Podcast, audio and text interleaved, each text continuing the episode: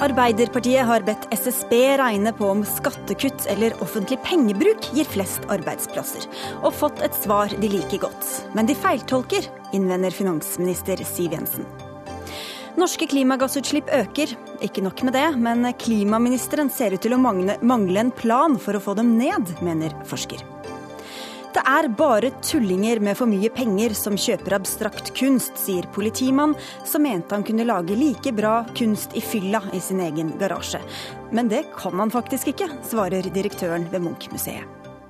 Og begge har sagt ja og lovet evig troskap. Men bør de så kysse ved alteret inne i kirka? Det naturlige stedet for det første ekteskapelige kysset er på kirkebakken, fastslår Kirkerådet.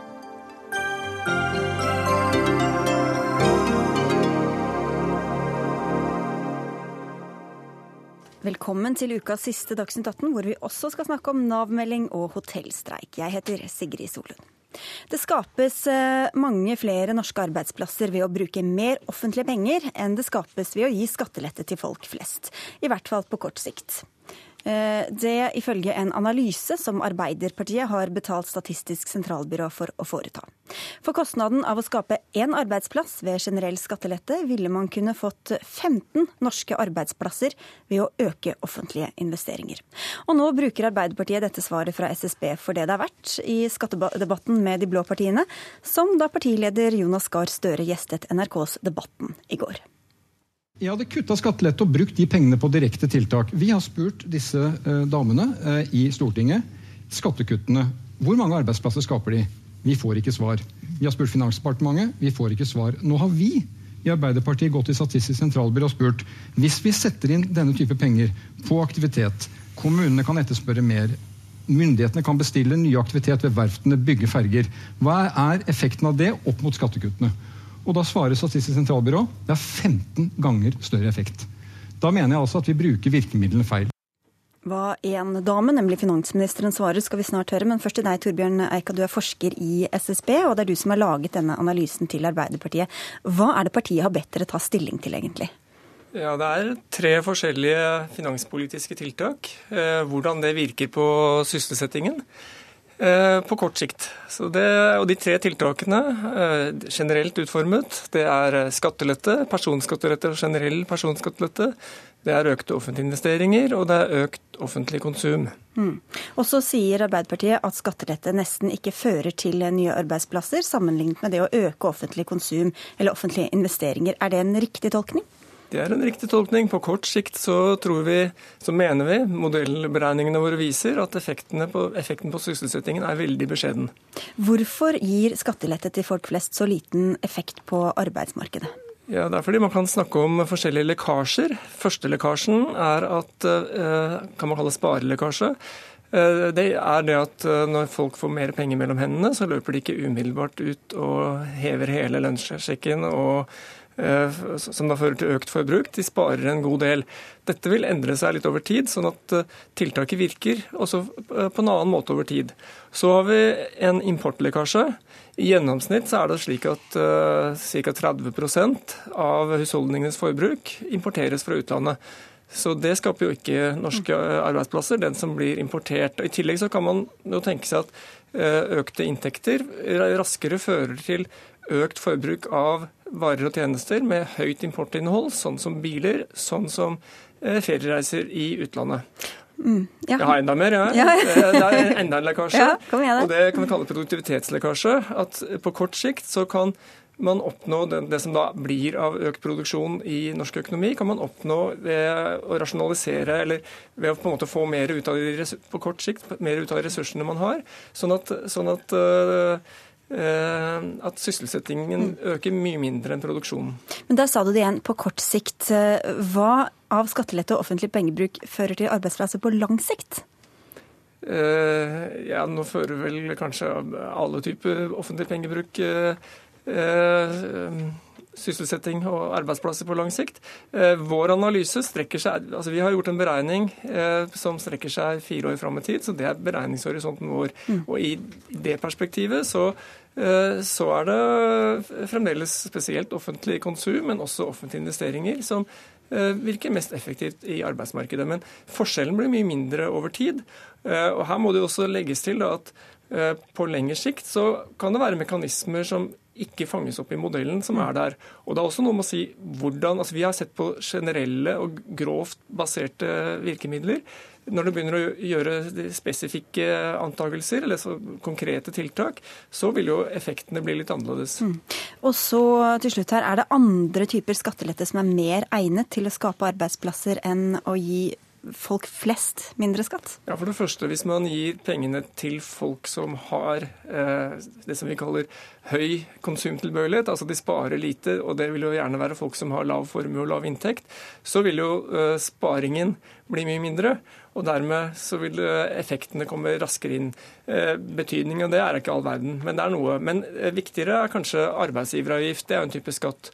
Og den vil virke mer stimulerende på sysselsettingen hvis man reduserer den. Takk skal du ha.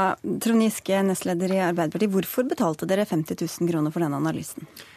Fordi vi har prøvd å spurt Finansdepartementet eh, og fått manglende svar på hvordan disse skattekuttene slår ut på arbeidsløsheten. Vi tenker at når vi har 135 000 mennesker i Norge uten jobb, så har vi egentlig en forpliktelse å prøve å finne ut mest mulig fakta om hvordan vi kan bruke pengene for å hjelpe disse menneskene tilbake i arbeid.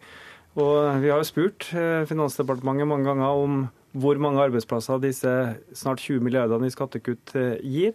Og vi får aldri noe svar. Vi får ingen dokumentasjon på at det gir arbeidsplasser. Og folk i Norge merker vel at eh, arbeidsløsheten stiger for hver eneste måned. Så effekten av disse svære skattekuttene uteblir i hvert fall i virkelighetens verden. Men det er jo ikke personbeskatningen som regjeringa argumenterer for at ska skaper eller hindrer arbeidsplasser, men det er jo formuesskatten, selskapsskatten. Hvorfor har dere ikke bedt SSB se på det? Ja, Nå sa jo Eika her det motsatte. Han sa at hvis du ga skattekuttene til vanlige folk med lav inntekt, som antagelig har lite mulighet til å spare, så vil du få den største effekten på arbeidsløsheten. Så regjeringa gjør jo det motsatte egentlig av det eh, Eika sier gir mest effekt. Det er faktisk sånn at hvis ja, men Dere har ikke bedt dem om å se på andre typer skatter som formuesskatten og, og, selskapsskatten? Nei, men uh, nå sa jo Eika dette nesten uoppfordra, uh, eller helt uoppfordra, og, og det er jo helt riktig, at den største sysselsettingseffekten får du på konsum hos de menneskene som sparer lite. Det er dem som har dårligst råd, altså som bruker alt de har. Så hvis du først skulle gitt skattekutt, så skal du i hvert fall ikke gi det til de rikeste som importerer mest og som sparer mest. Da skal du gi det til vanlige folk og fattige. Men vanlige folk i Norge har fått 50 øre per dag i skattekutt. Vi kan jo spørre hvor mange arbeidsplasser det gir. Jeg tror ikke det gir veldig stort utslag på sysselsettinga i Norge. Vi får høre med deg, Siv Jensen. Du er finansminister og Frp-leder. Offentlige investeringer er altså 15 ganger mer effektivt enn å dele pengene ut i skattekutt, eh, sier SSB her. Hvorfor prioriterer dere da som dere gjør? Ja, altså, her har jo Arbeiderpartiet kastet 50 000 kroner rett ut av vinduet. For de beregningene de har fått fra SSB, er jo ikke rakettforskning. Dette er ingen nyhet, det er ingen overraskelse. Det er det regjeringen har sagt hele tiden. Det er derfor vi på kort sikt har lagt frem tiltak gjennom finanspolitikken for å støtte opp under aktivitet og sysselsetting gjennom utgiftssiden. Vi har altså styrket tiltak til bygg og anlegg gjennom kommunene, til vedlikehold, til oppussing, til eh, jernbaneprosjekter, veiprosjekter osv., fordi vi vet at det skaper sysselsetting på sikt. Det vi har sagt når det gjelder skattelette, det er at vi trenger et konkurransedyktig skattesystem for på sikt å bidra til at flere bedrifter etablerer seg i Norge og ikke i utlandet. Og det er i hvert fall et faktum at flere bedrifter gir flere arbeidsplasser på sikt. Men samtidig så, så, hører vi at skattelette for folk flest eh, kan også føre til at vi bare sender pengene ut av landet, f.eks. Altså gjennom økt eh, import. Hva er vitsen med det? Hva får vi igjen for det? Det SSB nettopp sa, var at eh, hvis man f.eks. gir lettelser til mennesker med lav inntekt, så vil de øke konsumet sitt. Det betyr at du holder forbruket i Norge oppe, og det er ingen dårlig idé. Men ikke bare i Norge, da? Eh, nei, Det avhenger av hvor produktene er produsert. Men eh, det er altså sånn at vi går i butikken f.eks. når vi kjøper eh, varer og tjenester. Det er handel, Varehandelen sysselsetter mange mennesker. Og noe av problemet med den skremselspropagandaen Arbeiderpartiet driver med nå, er at de skremmer folk fra å gå ut og bruke penger, og det er en dårlig idé. Men så sa jo også SSB at det å gi lettelser via bedriftene, f.eks. gjennom arbeidsgiveravgiften, som han brukte som eksempel, eh, også bidrar til økt sysselsetting på sikt. Og det er altså sånn at de beregningene som har vært gjort her eh, Her har Arbeiderpartiet trukket frem den ettårige effekten. Eh, men det er også sånn at forskjellene reduseres over tid. Men det jeg har lyst til å spørre Trond Giske om, det er følgende. Da de la frem sin tiltakspakke under finanskrisen tilbake i 2009, så var en vesentlig del av den tiltakspakken ikke bare penger på utgiftssiden. Det var snarere tvert imot flere milliarder kroner i skattelette for næringslivet. Når Arbeiderpartiet satt i regjering, så var det riktig å gjøre begge deler. Når vi sitter i regjering, så er det galt. Ja, Vi kan godt diskutere hvordan vi møtte finanskrisa. og vi møtte den bl.a. med en så omfattende offensiv politikk at vi kom gjennom den med Europas laveste arbeidsløshet. Og jeg tror for folk i Norge så er det Men gjennom de samme tiltakene nei. som regjeringa legger opp til nå? Nei, tvert imot så var jo veldig mange av de tiltakene vi gjorde, nettopp dette. Altså gjøre fornuftige oppgaver, bygge sykehjem, pusse opp skoler, investere i veier, gjøre alt det som Norge trenger. Eh, gjøre, det raskere, gjøre det raskere for å få folk i arbeid. Så er det riktig at vi hadde et stort et, et, en skattesvikt som ikke ble tatt inn. Det hadde vi fordi at eh, det ble bråstopp i økonomien. Men jeg, jeg bare tenker, ta et skritt tilbake. for at Vi tilnærmer oss ulike sektorer med kunnskap. Vi prøver å lage en sykehussektor som får folk friske etter det vi vet av kunnskap om helse. Vi lager en skole som prøver å få folk til å lære ut ifra det vi kan om pedagogikk. Kan vi ikke prøve å lage en økonomisk politikk for sysselsetting og arbeid til alle som virker ut ifra det økonomene sier er lurt Men, å gjøre. Det, det, det, det, det, det er sitt poeng. La oss gjøre det som virker. Hvis vi bruker 20 milliarder på et eller annet, la oss i hvert fall stikke fingeren i jorda og prøve å finne ut virker dette på det vi ønsker å oppnå, nemlig å få folk i arbeid. Men hun sier jo at de gjør dette. De har økte offentlige investeringer, som dere også da etterlyser, samtidig som dere kritiserer regjeringa for å bruke for mye penger i budsjettet. Hvordan henger det sammen? Ja, men vi vet jo følgende. To, to ting vet vi helt sikkert om skattekutt. Det ene er at de skattekuttene som er gitt, øker, men nå til det offentlige ja, forbruket, da? øker forskjellene dramatisk. Det andre vi vet helt sikkert, er at en krone brukt på skattekutt er en krone du ikke kan bruke på eldreomsorg, skole eller helse. Det vet vi. Så er spørsmålet gir det større sysselsettingseffekt hvis du bruker det på måten Siv Jensen vil, istedenfor at du bruker det på helse, eldreomsorg, investering i forskning, flere studieplasser, kompetanse i videregående skole, lærlingplasser, alt disse tingene. Vi tror at det siste hadde vært bedre både for Norge og for sysselsettinga. Og nå sier Statistisk sentralbyrå at ja, det er ikke bare bedre, men det er 15 til 70 ganger bedre. Det koster 65 millioner kroner å få én arbeidsplass gjennom skattekutt. Og det koster altså en femtendedel okay. å få det gjennom vår politikk. Og da tenker jeg, da er det lurt. Det skaper mindre forskjeller, vi får bedre velferd, og vi får mer arbeid. Så dere mener ikke at de bruker for mye penger, sånn som det har vært et inntrykk av gjennom budsjettkritikken deres, men at de, at de i det hele tatt bruker penger på skattekutt, eller la folk beholde mer av lønna si? Det er ganske skremmende at man i løpet av tre og et halvt år nesten har dobla oljepengebruken. Det går jo utover framtidas eh, generasjoner. Men hvis du bruker så mye oljepenger, så bør du i hvert fall bruke dem fornuftig. Hvis du både bruker mye oljepenger og bruker dem dårlig, da er det en forferdelig dårlig strategi. Og da er spørsmålet hvilke bevis dere har på at redusert skattenivå fører til et mer konkurransedyktig næringsliv på sikt, Siv Jensen? Ja, men altså, Her er det jo masse feil i Giskes resonnement. Punkt én. Hele den tiltakspakken som regjeringen har lagt frem, både de fire milliardene vi la frem før jul, og de nye tiltakene som kommer revidert, er utelukkende økt offentlige investeringer. Nettopp de tiltakene som Trond Giske nå er opptatt av. Eh, ikke en eneste krone av de fem milliardene har gått til skattereduksjoner.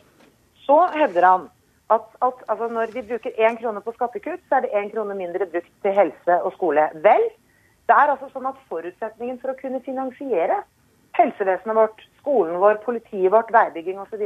i fremtiden, det er at noen finansierer dette samfunnet. Men har dere, da, har dere bevis på at lavere skatter fører til mer inntekter for staten, altså flere arbeidsplasser og bedre næringsliv? De bevisene har vi jo gjennom skattereformen fra 1992, skattereformen fra 2006. Eh, det er dokumentert gjennom internasjonale rapporter at skattereduksjoner og et konkurransedyktig skattesystem gir dynamiske effekter, gjør at vi skaper flere bedrifter, gjør at vi får den økonomiske aktiviteten opp. Og så vil jeg minne Trond Giske om en annen ting. Hans eh, tidligere partileder Jens Stoltenberg la altså frem handlingsregelen. Da den ble lagt frem, så understreket man at man med økt oljepengebruk også skulle bruke det på skattelette. Det mente Arbeiderpartiet under Jens Stoltenbergs ledelse. Det har de sluttet å mene under Jonas Gahr Støres ledelse. Men, men, men, men, kjernen er jo dette du sier, Siv Jensen, om at dette er en dynamisk skattepolitikk som skaper ny vekst. Og vi har spurt ditt departement. Du trenger ikke å betale 50 000 til SSB. Du har masse økonomer i ditt eget departement. Vi har bedt deg om å få dem til å dokumentere hvordan denne dynamiske skatteeffekten slår ut. Og svaret tilbake er at dette kan ikke dokumenteres. Det skriver du i brev til Stortinget. Og det er riktig, for det kan ikke dokumenteres. Det er ikke sånn at de land i verden som har lavest skattenivå, har høyest vekst. Norge har hatt høyest produktivitet, høyest vekst lavest arbeidsløshet og best levestandard med høyt skattenivå og god velferdsstat. Du får ti sekunder på slutten, Siv Jensen. Ja, la meg bare minne om at Scheel-utvalget, som var grunnlaget for den skattereformen regjeringen uh, nettopp har lagt frem og fått tilslutning til fra uh, Arbeiderpartiet, har selv dokumentert at en betydelig del av de lettelsene som regjeringen nå har foreslått, kommer tilbake til statskassen, og som bidrar til at vi får høyere vekst, og grunnlag for å trygge sysselsettingen og verdiskapingen i Norge. Ikke minst velferdssamfunnet i årene som kommer. Du får sende det et brev til Trond Giske, og så får vi si tusen takk til dere alle tre, Siv Jensen, Trond Giske og Torbjørn Eika fra SSB.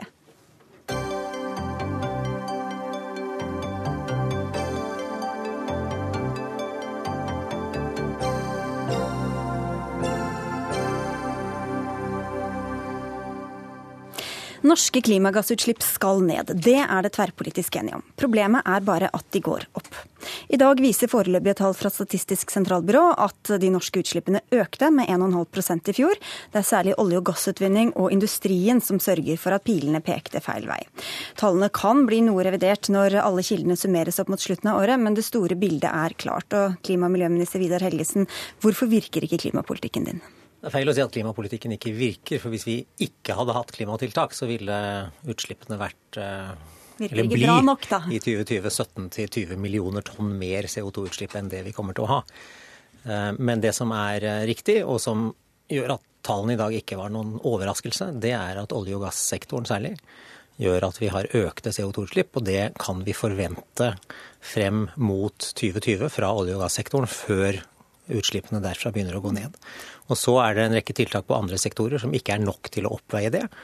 Og så er det noen utslag fra i fjor til i år, f.eks. på industrien, hvor jo trenden siden 1990 har vært en ganske tydelig nedgang i utslippene. Men i fjor fikk vi en økning. Og det har med noen veldig særegne tilfeller å gjøre. Men hvis vi ser på dette med oljebransjen, det er jo krise der, og likevel så øker altså utslippene. Bransjen er fortsatt den viktigste bidragsyteren til utslipp fra norsk territorium. Denne uka åpnet dere for utvinning på nye felt. Hvordan skal dere klare å få ned utslippene, samtidig som dere altså åpner opp for mer av den største utslippskilden? For det første så er det jo sånn at olje og gass er en del av EUs kvotesystem. og Det betyr at gjennom det så er det slik at når utslippene går opp i Norge, så går de ned et annet sted i Europa fordi eh, olje- og gassindustrien kjøper kvoter. Og det kvotesystemet kommer til å bli strammere i årene fremover. Og eh, det betyr at eh, utslippene blir dyrere. Det er ting som oljeselskapene må ta med i kalkylene også når de skal inn i den 23. konsesjonsrunden og ta stilling kommersielt til, til hva som er lønnsomt der. Men, men, samtidig så er det jo, selv om de er med i kvotepliktig sektor, så er det jo sånn at når vi ser på regnskapet, så, så er jo utslippene der like fullt. Så ja, hvordan det, henger dette sammen? Men vi er jo opptatt av at uh, Norge er en del av en uh, global kamp mot klimaendringene. Og vi skal i enda større grad bli en del av uh, det europeiske samarbeidet her. Og da skal vi nå i 2030 et 40 kuttmål på europeisk nivå. Og det vil også norsk olje- og gassektor bidra til gjennom deltakelsen i dette kvotesystemet. Kvotesystemet er en måte å nær, være nær sikker på at vi kommer til å nå uh, utslippsmålene. Men uh, vi skal snakke litt mer om, kvote, eller okay. om EU veldig snart, men bare til et par andre punkter i, i den statistikken. For rekordsalget av elbiler gir ikke nedgang i utslipp fra veitrafikken, fordi trafikk, trafikkveksten ut, eh, nuller ut effekten, altså det er flere biler.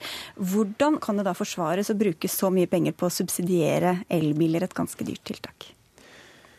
Jeg tror norsk elbilpolitikk er viktig både i Norge og internasjonalt. Fordi det har gitt eh, elbilen en eh, demonstrasjonsmulighet som gjør at de som eh, kjøper elbil og begynner å bruke elbil, blir elbilpredikanter. Og vi kommer til å ha behov for massiv elektrifisering, hydrogenisering og biodrivstoff i bilparken i årene fremover. Det som er noe av, det jeg tror er hovedutfordringen på transportsektoren, er at teknologiutviklingen ikke er kommet like langt på tungtransport. Så det er tungtransport som er en viktig del av økningen her nå.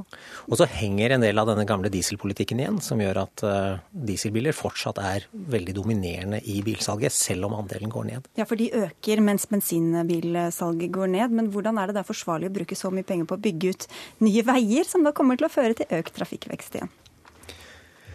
Eh, vi satser eh, mye på vei fordi vi er avhengig av å ha et næringsliv, ikke minst i distriktene. Og vi har mye næringsliv i distriktene som er viktig. Så er det viktig at vi sørger for at transportløsningene blir mer klimavennlige. Der er jo elektrifisering et av tiltakene. Men du skal ikke glemme at vi satser også rekordartet på kollektivtransport. Vi hadde en rekordvekst med jernbanen i fjor. Vi bygger sterkt ut kollektivløsningene også i byene.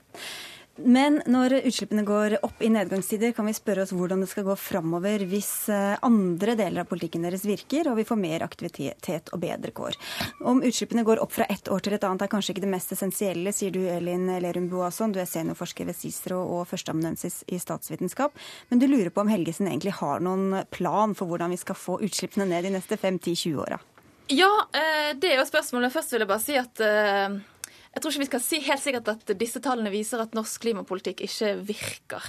For norsk klimapolitikk har bestått av eh, grovt sett tre typer tiltak. Vi har noen tiltak som er målrettet for å få ned utslippene i Norge. Så har vi en del tiltak som er sånn vi skal lage teknologi for verden type elbil og karbonfangst og -lagring har vært sånn. Men hovedtingen i norsk klimapolitikk har vært at man har ønsket et globalt system der vi skal kunne bruke våre penger til å finansiere utslippsreduksjoner som er billigere andre steder eh, i verden enn i Norge. Det, så Sånn sett er det ikke så overraskende at våre utslipp ikke går ned, når hovedstrategien har vært at vi heller skal finansiere ting andre steder. Men nå er det jo sånn at utslippene i de andre rike landene som ønsker å gjøre noe med klimaproblemene, faktisk går ned.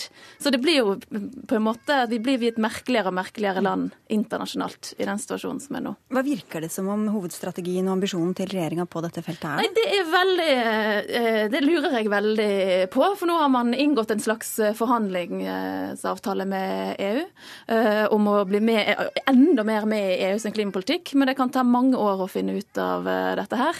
Så jeg vil oppfordre Helgesen og regjeringen til å lage norsk klimapolitikk. for det skal skaper stor usikkerhet at vi nå er avhengig av doble forhandlingsting i EU. Hva er egentlig planen, Vidar Ellingsen?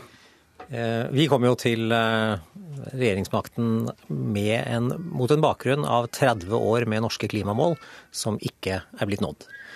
Og eh, da må vi jo stille oss spørsmålet hva kan vi gjøre nytt. Det vi det det foreslo, og det vi jobber hardt med nå, det er å integrere oss med EU. For selv om vi skal gjøre jobben hjemme, så har vi en veldig liten del av både Europas utslipp og globale utslipp. Og ved å integrere oss tettere med EU i hele klimapolitikken, så binder vi oss til en mer forpliktende internasjonal ramme rundt norsk klimapolitikk. Og jeg er helt sikker på at det vil legge et større press på oss til å levere. Og det vil gi oss større mulighet til å bidra til å nå de felleseuropeiske målene som vi er en del av. Ja, altså Nå er jo Norge allerede forpliktet til å ta det aller meste av EUs klimapolitikk. Men nå sier vi at vi også vil være med i de forpliktende målsettingene for de eh, sektorene som ikke er med i kvotesystemet. Men det som er utfordringen, er at forhandlingen, det er interne forhandlingen til EU ikke er ferdig. Og jeg lurer veldig på hva som er norske forhandlingsposisjonen. Hva er det vi sier? Hvor mye skal vi få ned utslippene i Norge? Og i veldig mange europeiske land nå så har man diskutert og lagt planer for 2030, mens Norge har egentlig ikke lagt noen plan. Vi har bare sagt at vi håper at EU kanskje mm. lager en plan for oss. Skal vi sitte og vente på hva Brussel sier, i stedet for å lage en selvstendig plan, Vidar Helgesen? Nei, noe av det vi vet, er jo at transportsektoren vil være den store, nye utslippssektoren som vil være berørt av EU-samarbeidet. Eh, landbruket vil være et annet. Og er det noe Norge gjør, så er det jo på transportområdet. Det er jo ingen land som har gått så langt i elektrifiseringspolitikk som det vi har gjort gjennom elbilpolitikken. Vi satser stort på kollektivtrafikk. Men vi ser at dette er et område hvor mer kommer til å trenges, og hvor det ikke er noe tvil om at klimapolitikken vil bli tøffere i årene som kommer. Og Du snakker internasjonalt, men dette målet som har vært snakk om hele tiden, om at eh, kutten, to tredjedeler av kuttene skal, stå, eh, skal tas hjemme, står det fortsatt ved lag? Ja, Vi forholder oss til klimaforliket i Stortinget. Vi forsterker en rekke av tiltakene i klimaforliket. Så to tredjedeler av kuttene skal tas hjemme? Det er det som nå ligger eh, til grunn. Er det dere, styr, det, det dere styrer mot? Det, er det det? Altså, det, vi styr, det, vi styrer mot nå, er jo en EU-løsning som gjør at EU blir vårt hjemmemarked. Og så ah. vil politikk så, så hjemme blir veldig stort det da framover? Eh, ja, men Det er jo hele poenget her med klimapolitikken. okay. Hva vi gjør i Norge har betydning, men det har begrenset betydning sammenholdt med hva vi gjør internasjonalt. En, en, det gjelder hva vi men, gjør i Norge. Men målene vi har for norsk klimapolitikk er jo ganske uklare. Og dette her to tredjedelsmålet er det mange, i hvert fall i forvaltningen, som har ment at det ikke gjelder. Mange av forrige regjeringen som har ment at det ikke gjelder. Så hvis denne regjeringen kan avklare hvilke mål som gjelder til 2020, mm. og, og avklare en prosess for hva mål vi skal ha for Norge frem til 2030, så hadde det vært oppklarende. da, og Da hadde det vært lettere å se på sånne tall som kommer fra SSB, og si noe om effekten av norsk politikk, hvis vi hadde hatt eh, klare rammer for hva som faktisk er norsk politikk. Kan du si det på en måte som vi skjønner, Vidar Helgesen? Er hjemme fortsatt Norge, eller er hjemme blitt Europa? Skal I... to tredjedeler tas i Norge, da, for å spørre helt konkret? Den prosessen vi er i med EU nå, gjelder 2020 til 2030. Og da tar det nå tid, men det er i og for seg ikke så uh, mye av et problem at det tar noe tid, for dette skal gjelde fra 2020. Når det gjelder 2020-målene, så forholder vi oss til klimaforliket, men vi sier også veldig ærlig at vi kom ikke til dekket bord, og vi ser fortsatt at utviklingen ikke går i riktig retning. Olje- og gassutslippene som vi snakker om i dag, uh, økningen i fjor, de skyldes jo beslutninger som ble tatt, ikke minst av den forrige regjeringen. Jeg syns ikke det er noen produktiv øvelse å skylde på verken den forrige eller den nåværende. Du gjør det hele tiden likevel, da. Nei, nei jeg har svart på Heikki Holmås bl.a., som har sagt at dette skyldes denne regjeringens politikk. Det er for lettvint. Det vi må se, er at vi er nødt til å ha en mer effektiv samlet klimapolitikk mot 2030. Okay. Og vi er altså, helt overbevist om at denne EU-løsningen Jeg kan gi Helgesen full støtte på at dette her er ikke bare denne regjeringen. Altså, Det er lang tid vi har hatt problemer med å lage klimapolitikk i dette landet. Men den forrige regjeringen kranglet veldig mye om dette på bakrommet. Mens denne regjeringen har en litt sånn lettvint løsning på å vente på at EU skal komme. Og Problemet med at det tar tid, er bare det at det Norge sier at vi tar det her Paris-målet veldig alvorlig, og det er veldig ambisiøst at vi skal bare redusere eh, til 1,5 grader globalt sett. Og Hvis vi virkelig tar det seriøst, så må Norge begynne å finne sine egne løsninger. og det er tross alt den norske regjeringen, den norske forvaltningen som kjenner Norge best.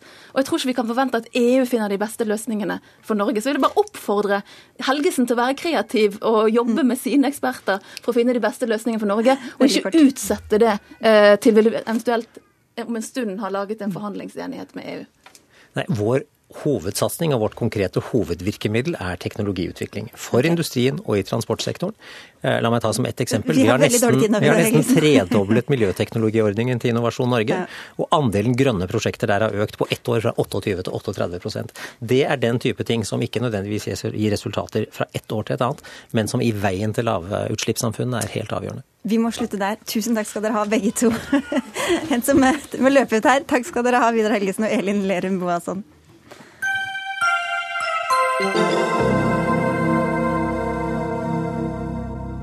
Bedre kontakt mellom Nav og arbeidslivet. Større og færre Nav-kontorer.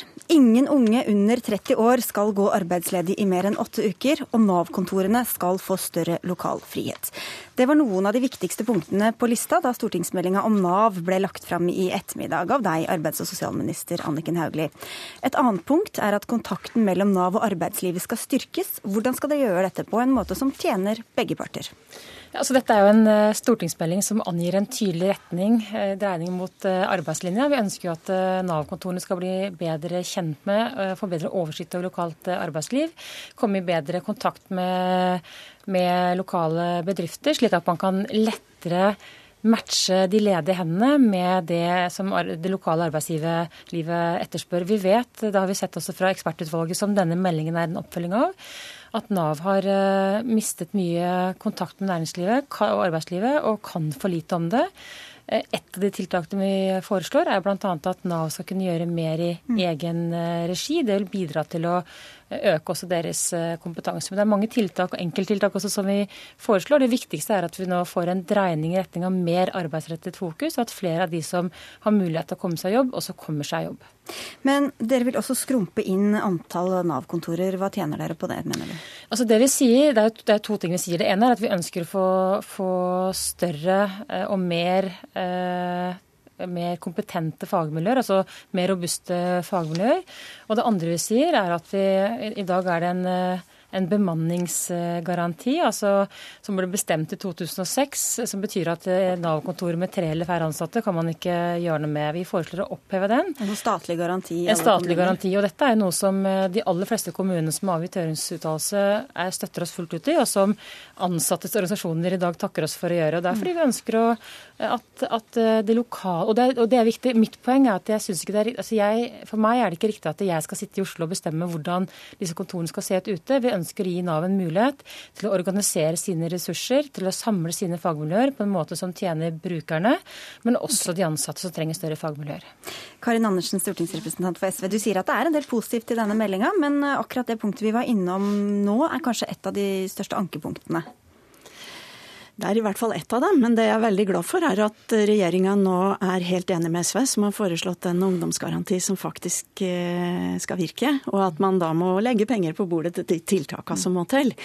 Eh, vi er veldig glad for det regjeringa sier at det skal være mindre tellekanter, og at de skal, i Nav skal kunne mer om arbeidslivet. Da er det veldig rart at de går om bemanningsbransjen, liksom, i stedet for å ha direkte kontakt med arbeidsgivere som gir fast arbeid. Men når det gjelder disse eh, antall kontorer og de små kontorene, så eh, syns jeg nok regjeringa er på tynn is. Og det viser jo altså, Nav er jo nå evaluert. Jeg har med meg denne evalueringen her som ble gjort, som jo har fulgt Nav helt fra starten. Og det de slår helt fast entydig fast, er at små enheter gjør det bedre enn de store. Altså at de både Gjelder det også de aller minste? Det altså gjelder de også de minste. Og det, eh, de får altså flere i arbeid, og ikke minst så klarer de å hjelpe folk bedre. For det, hvis du får veldig store kontorer, så blir det mye spesialisering og vanskelig å samordne på tvers. Og eh, det evalueringa her, denne kom i fjor, sier også at liksom fallet i det å lykkes med å få folk i arbeid, skyldes at de største kontorene ikke får dette til. Og da er det litt rart at eh, regjeringa Det må være et tankekors for regjeringa at de hopper helt over denne faglige evalueringa som har vært gjort over flere år, og sier at det er liksom de små kontorene som er problemet. For det, evalueringa viser jo veldig tydelig at det ikke er det.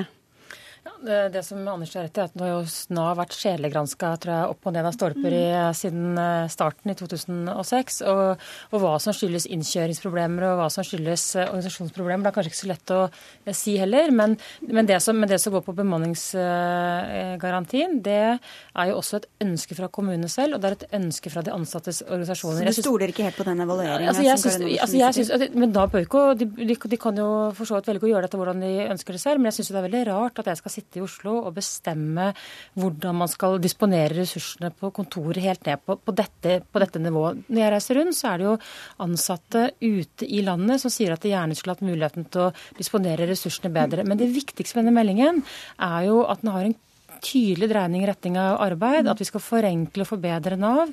Vi skal forhåpentligvis klare å modernisere regelverk, samordne regelverk, tydeliggjøre det, sånn at ansatte kan bruke mindre tid på å tolke eh, kompliserte prosedyrer og mer tid på å hjelpe ansatte ut i jobb. Og jeg tror på at større fagmiljøer også er et viktig del av det. Ja, jeg stusser nok litt på at statsråden legger så lite vekt på den veldig grundige evalueringa som har vært gjort. Men Hvorfor eh, veier den tyngre enn de erfaringene hun får høre om fra Nei, fordi dette er jo, dette er jo en, en, skikkelig grundig evaluering som, der man har fulgt Nav over veldig mange år. Og det, det viser jo til tall. ikke sant? Hvem er det som faktisk får dette til? Men jeg er helt enig i det, det Nav-kontorene trenger, er jo flere ansatte som er, uh, har faglig kunnskap, og ikke minst kunnskap om arbeidslivet. Og det jeg savner òg i denne meldinga, er uh, det viktige sosial, uh, sosiale arbeidet. For det er veldig mange av dem som sliter i arbeidslivet, og som har mange problemer. De trenger jo også sosialfaglig oppfølging, og det var jo dem vi lagde Nav-reformen for. ikke sant? De kasteballa som datt mellom alle stoler. Og nå blir det veldig sånn Eh, arbeidsretting uten at man tar med seg den viktige sosiale biten av det. For det må ofte på plass hvis folk skal få orden på veldig vanskelige liv der du er blitt sjuk og mista jobben og skilt og alt eh, går i svart. ikke sant? Og da, hvis du da skal liksom møte et system der du skal ta kjentmannsprøven i byråkratiet på din livs svarteste dag, så går det dårlig.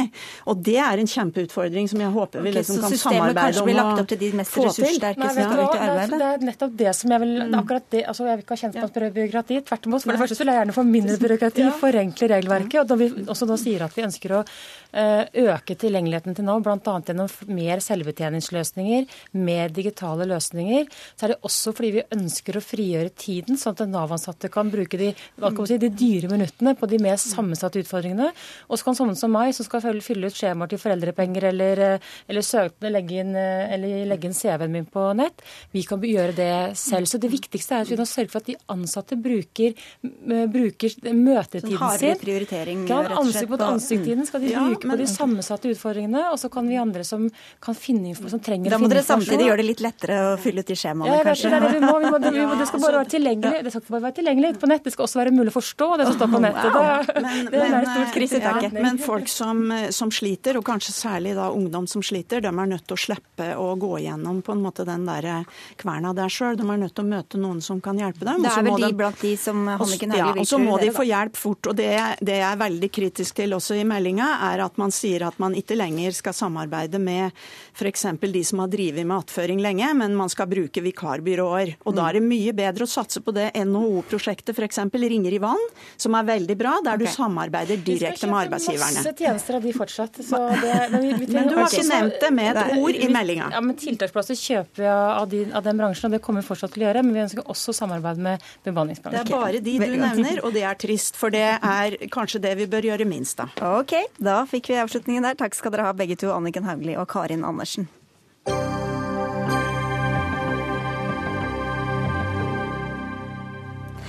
For ett år siden skulle det nye politihuset i Tromsø utsmykkes, og det med en prislapp på 1,3 millioner kroner. Veggene ble prydet med kunst fra flere norske samtidskunstnere. Noe som fikk flere politifolk til å himle med øynene, og deres tillitsvalgte uttalte at han kunne lage like bra kunst i fylla i sin egen garasje. Denne tillitsvalgte var deg, Carl Karlsson, du er politimann og lokallagsleder av Politiets Fellesforbund i Tromsø. Hvilken kunstopplevelse fikk du av kunsten som ble hengt på veggene på politihuset? Ja, altså, Den første opplevelsen jeg fikk, det var vel egentlig at jeg syntes det var hyggelig at man hadde brukt uh, en barnehage eventuelt til å, å utsmykke politihuset. Og når jeg da ble klar over at uh, det her var anerkjente kunstnere, så blir jeg litt fundersom. Men hvordan vet du at du ikke bare liksom, var deg som ikke var åpen nok til å forstå eller få noe utbytte av denne kunsten? Ja, nå sitter jeg foran meg med Jeg, tog, jeg fikk en bok på den åpninga som var forrige fredag. Eh, en åpning for, for, øvrig møtte over 300, og det var en times kø for å komme inn. Eh, den boka den beskriver noen av eh, kunstverkene til til, den, til, en av de omtalte kunstnerne på politihuset. Og Jeg ser jo i boka at hun har laga mye bra tidligere òg. Og, og, da tenker jeg at eh, kanskje noe av det som blir hengt på veggene eh, gjennom den offentlige ordninga i Koro, det blir på en måte henta fra restebua.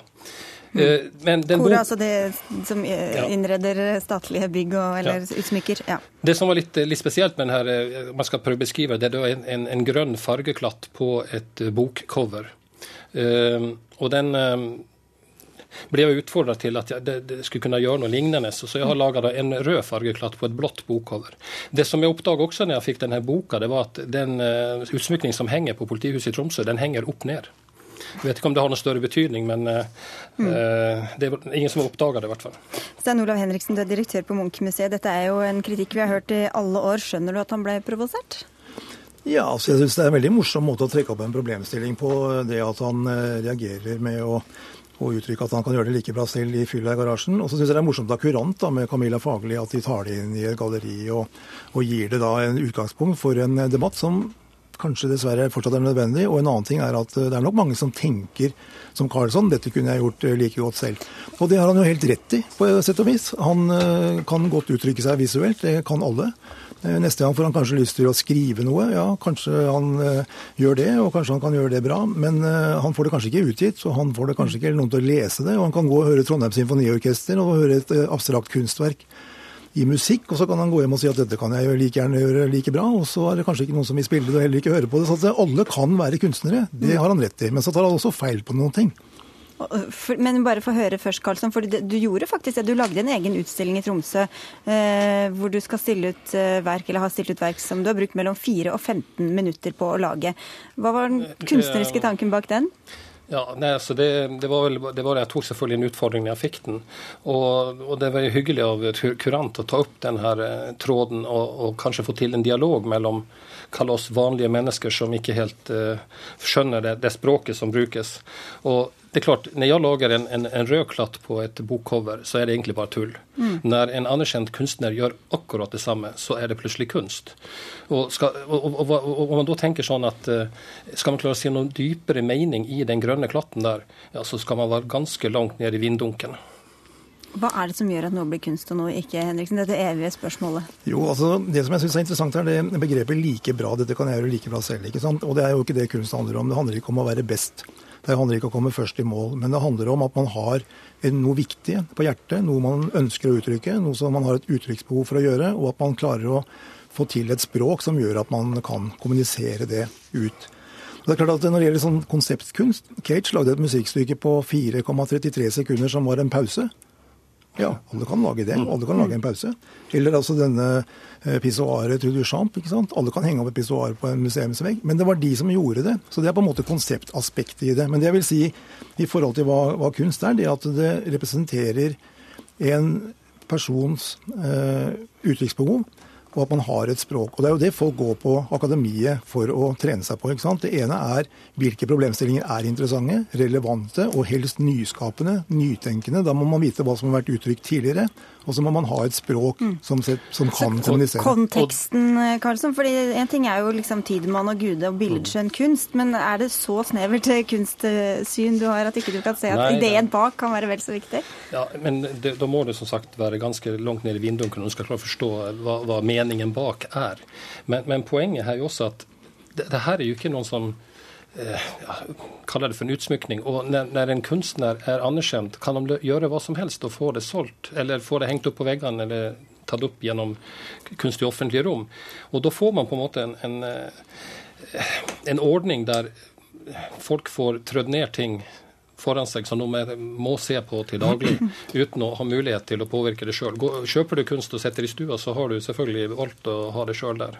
Men det som er viktig med kunst, det er at kunst er kommunikasjon. Det krever også en mottaker. Og det er jo helt i de øynene som ser. Men da burde kanskje offentlig utsmykning være hva skal vi si, litt enklere å forstå, eller?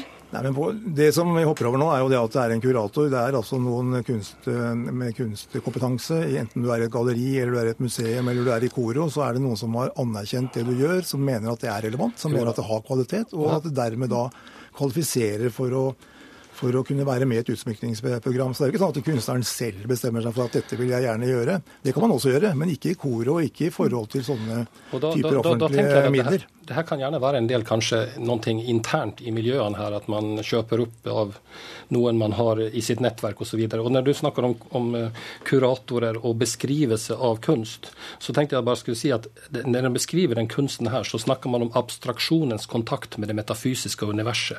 Da lager man en en eh, terminologi som er et eget stammespråk, og som lager distanse til oss vanlige folk. Ja, nettopp. Og det syns jeg er et veldig godt poeng. Fordi eh, Poenget er det at kunst kommuniserer. Det er også opp til hvem som mottar hvordan opplevelsen blir. Man styrer selv sin egen opplevelse på sett og vis. og Det betyr at man må på en måte være nysgjerrig i møte med kunst. Man ja, kunne må... vært litt mer åpen oppe i Tromsø. Men... Jo, men poenget er det at sånn som Munch sier da, Edvard Munch sier det at hvis jeg kunne forklare det jeg maler, så hadde jeg ikke trengt å male. Nå snakker vi jo om at noe skal være begripelig, det skal kunne formuleres. Det er ikke sånn det er. Det skal sanses.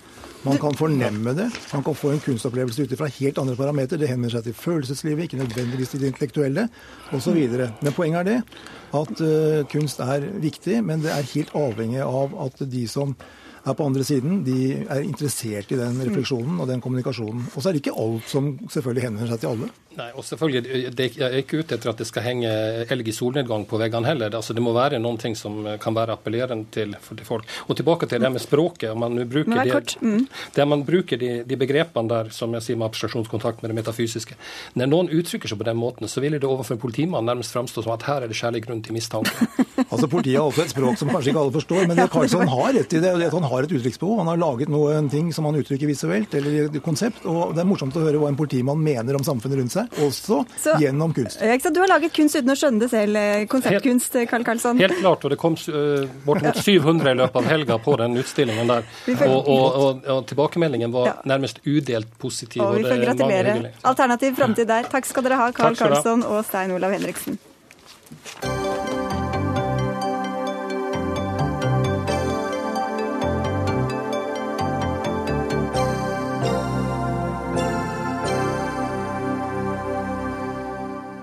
Streiken i hotell- og restaurantnæringa har nå vart i nesten en måned, og den trappes ytterligere opp i neste uke, varslet Fellesforbundet i dag.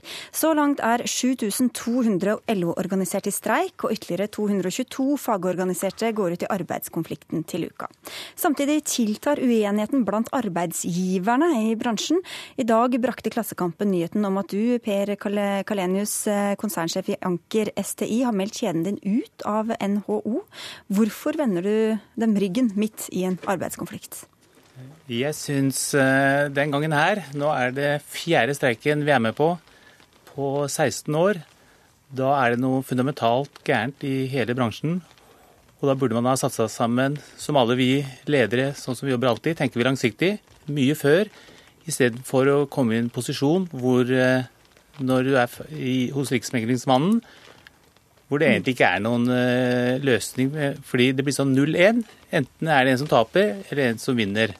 Og sånn kan du ikke ha en forhandlingssituasjon. Da blir det konflikt, og så har du ikke noen løsning på hvordan du skal komme ut av det. Og derfor har dagene rulla og gått. Mm. Nå er det jo ikke sånn at dette får noen umiddelbare konsekvenser. De streikende streiker like fullt. Men du sier at dere taper vel 200 000 per dag eller noe sånt? I likvider, ja. Eh, og hvor mye handler det da om viktige prinsipper som du er inne på? Hvor mye handler det rett og slett om irritasjon over å tape disse pengene?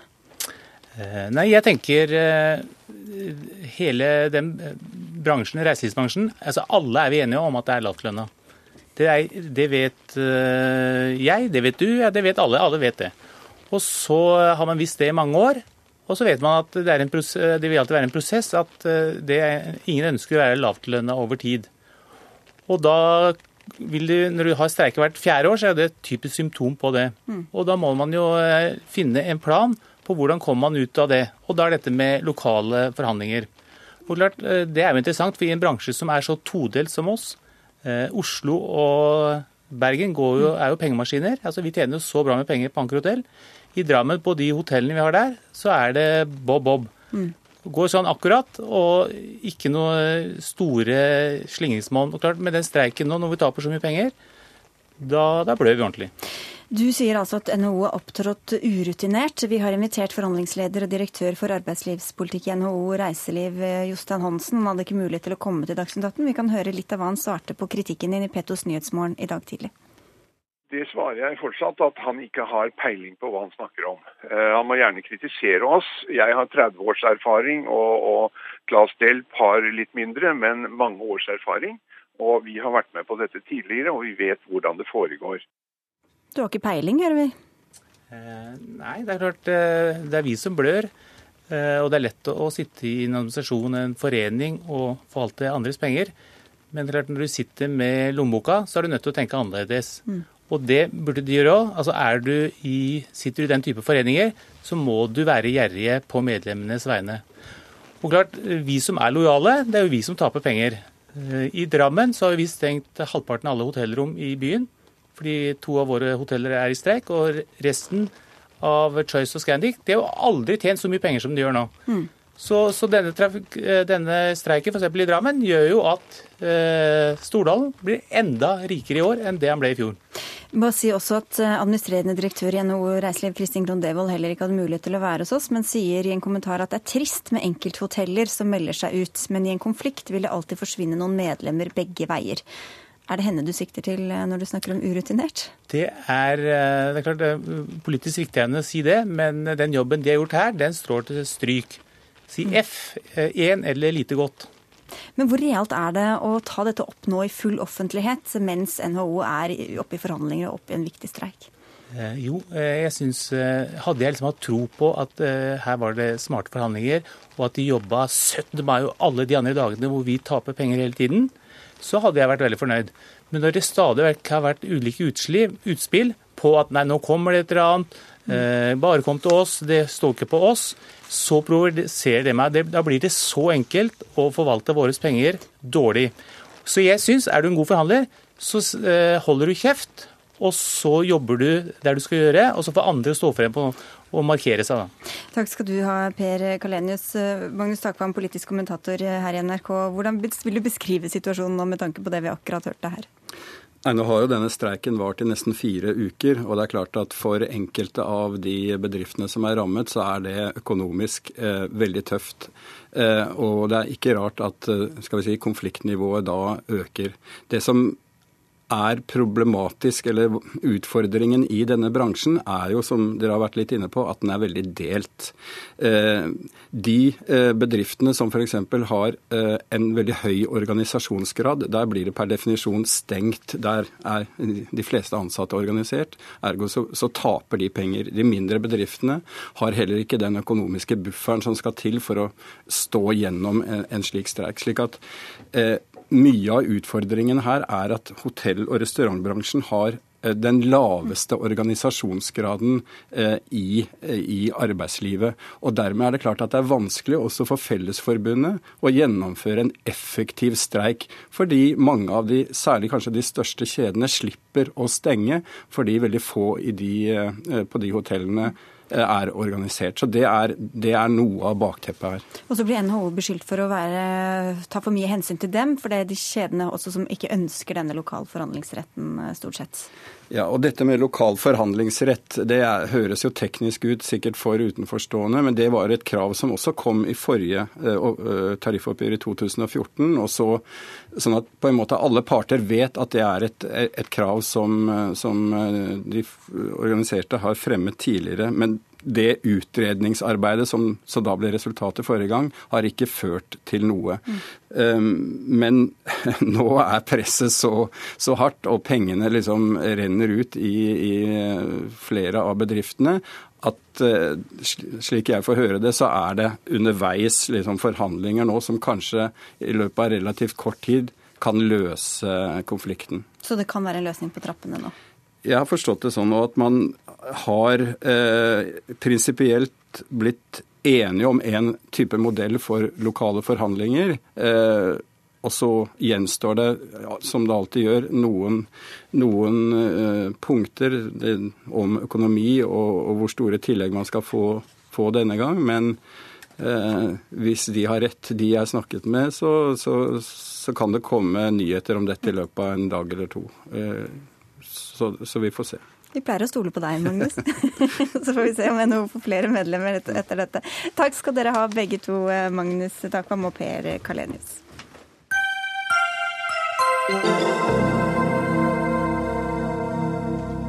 Og nå til et eh, uvanlig tema i Dagsnytt 18, nemlig kyssing i kirka. For i disse dager er det mange kommende ektepar som skal ta mange viktige og uviktige avgjørelser hva gjelder bryllup. Ikke bare gjestelister, servering og bordplassering, men også om de skal ta inn ritualer, som å la faren følge bruden opp kirkegulvet, og om de skal feire vielsen med et kyss inne i kirka. Tradisjoner fra andre land som har eh, sivet inn i det norske vielsesritualet i kirka. Men på spørsmål fra avisa Vårt Land i dag, sier du Hans eh, Arne Akre, du er leder ved seksjonen for gudstjenesteliv og kultur i Kirkerådet, at kysset har en naturlig plassering utenfor kirka, på kirkebakken. Ja, altså Jeg har inntrykk av at det har, eh, det har vært vanlig mange steder. At idet man kommer ut på kirkebakken eh, og folk står der og fotograferer, da er liksom stedet for kysset og oppmerksomheten om det. Men jeg ser jo også det at eh, en del vielser i det siste har tatt dette mer inn i, som en del av gudstjenesten, eh, av liturgien da. Og, og, men, eh, og da vil jeg være skeptisk til at presten skal oppfordres til brudeparet til å kysse hverandre foran alteret. Hvorfor det? Eh, fordi at eh, kysset historisk sett sånn har en helt annen bakgrunn. Det er det i andre land er det kysset som beseiler avtalen og ekteskapsinngåelsen. Hos oss i, I, Norge, og det har vært i mange hundre år, så er det både i kirkelige og i borgerlige vielser, så er det håndslaget. Så gi hverandre hånden på det etter at de har avgitt løftene til hverandre. Og det, den linjen synes jeg, det poenget syns jeg skal tydeliggjøres. Finalen, liksom. Ja. ja. Kjersti Østland Midthun, du er prest i Oslo. Du sier til Vårt Land i dag at med kysset kommer applausen, latteren, jubelen. Det er som å ha kommet i mål, sier du. Det holder ikke med et håndslag, altså må ha kyss også, også i kirkelig vielse? tenker at det er en forventning. Det har skjedd noe der framme med forloverne som står, og brudeparet som kanskje har knusla med ringer og litt nervøs stemme sagt ja. og så sitter alle gjestene baki der, og så snur man seg, og så dirrer det noe i rommet. Eh, og så er det en forventning kanskje både fra gjestene og fra brudeparet selv om at noe skal skje. Da tenker jeg at det er heller fint at man har snakka om det på forhånd. Eh, blitt enige om, For det er ikke alle brudepar som har lyst til å kysse i kirka. Eh, og I stedet for å risikere litt sånn klein klining der framme, eller at man skal lure på om det er greit for presten, så kan det ledsages av et eller annet. Ja. Så vekker det munterhet. Eh, og det er jo ikke det som er selve ekteskapsinngåelsen, men jeg syns det er ganske uproblematisk i en mm. romantisk anledning og faktisk også kysse i kirka. Mm. Og da kan pressen oppfordre til det, da?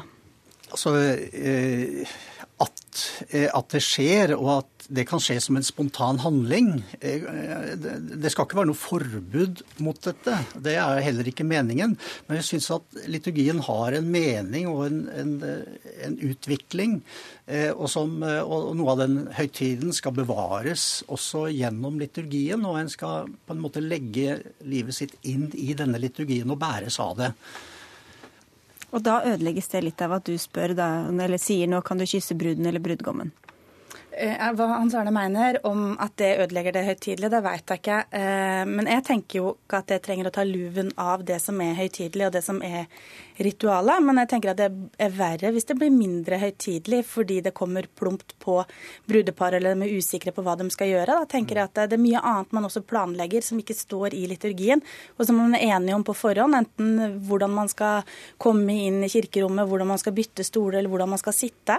Og da tenker jeg at det er også veldig fint å være enig om man skal kysse eller ikke. Dette var jo oppe til diskusjon på kirkemøtet i 2003. Da ble man enige om å ikke ta det inn i liturgien. Men hvor opptatt er eh, ektepar som, eller kommende ektepar som du møter i dag om, av dette kysset? Jeg tenker at Noen har en forventning om det før de kommer til en vigselsamtale. Eh, og jeg spør alltid om vil jeg kan ha kyssing i kirka. Og da eh, er min opplevelse at noen eh, svarer spontant ja, og noen blir kanskje litt blyge. og noen, For noen kommer det som en overraskelse. Men jeg tenker at det er ikke fremmed. Det er knytta til filmen og andre brylluper man har vært i. Og, ja. mm. Bør hun ikke spørre deg på forhånd om de ønsker å kysse? Ja, Det kan godt være at man skal spørre dem, siden dette har Altså mange har eh, blitt vant til det eh, som et eh, element. Og eh, man kan jo snakke om alle ting eh, med paret på forhånd og sånn. Det er jo viktig å avklare iallfall. Men jeg vil iallfall da tilrå at, at, de heller da gjorde det spontant, eh, og ikke at presten oppfordret aktivt til det. Planlagt også, også, spontant, da, egentlig. Ja, planlagt spontanitet. Ja, At det står for deres. Ja. Det er de som gjør det. Og, og det har noe med også at, at for at liturgien skal henge sammen, så har liturgien en rolle. altså Presten har en rolle med liksom å føre hovedlinjene og, og de elementene sammen. Og jeg syns også det fungerer veldig godt ute på kirkebakken. Altså. Da, da må ikke de drive og klusse det til med klining eh, foran alteret? Det er det vel ingen som ønsker. Nei, men jeg tenker Regien kanskje blir bedre av at man nettopp har planlagt det, enn at man får dette litt ja. sånn klumsete, spontane. Ja. Men kan det ta litt av? Altså, det er jo ikke alltid like behagelig å se på folk stå og kysse sånn. Tenker det, er forskjell på, det er forskjell på et nuss, et kyss, klining og huking. Og det er kanskje et uh, liturgisk kyss. Nå kan dere huke, det sier du ikke. Sier ikke 'nå kan dere huke'. Men du skal uh, lede en vielse neste helg, og da blir det lagt opp til kyssing ved alteret? De har spurt om det, og det vil de ha. Mm. Mm. Hva syns du da, hvis du er i et bryllup og du ser det? Blir du rørt, eller blir du liksom litt irritert over at liturgien ikke følges? Nei, jeg, jeg klarer ikke å bli irritert over det. Det gjør jeg ikke.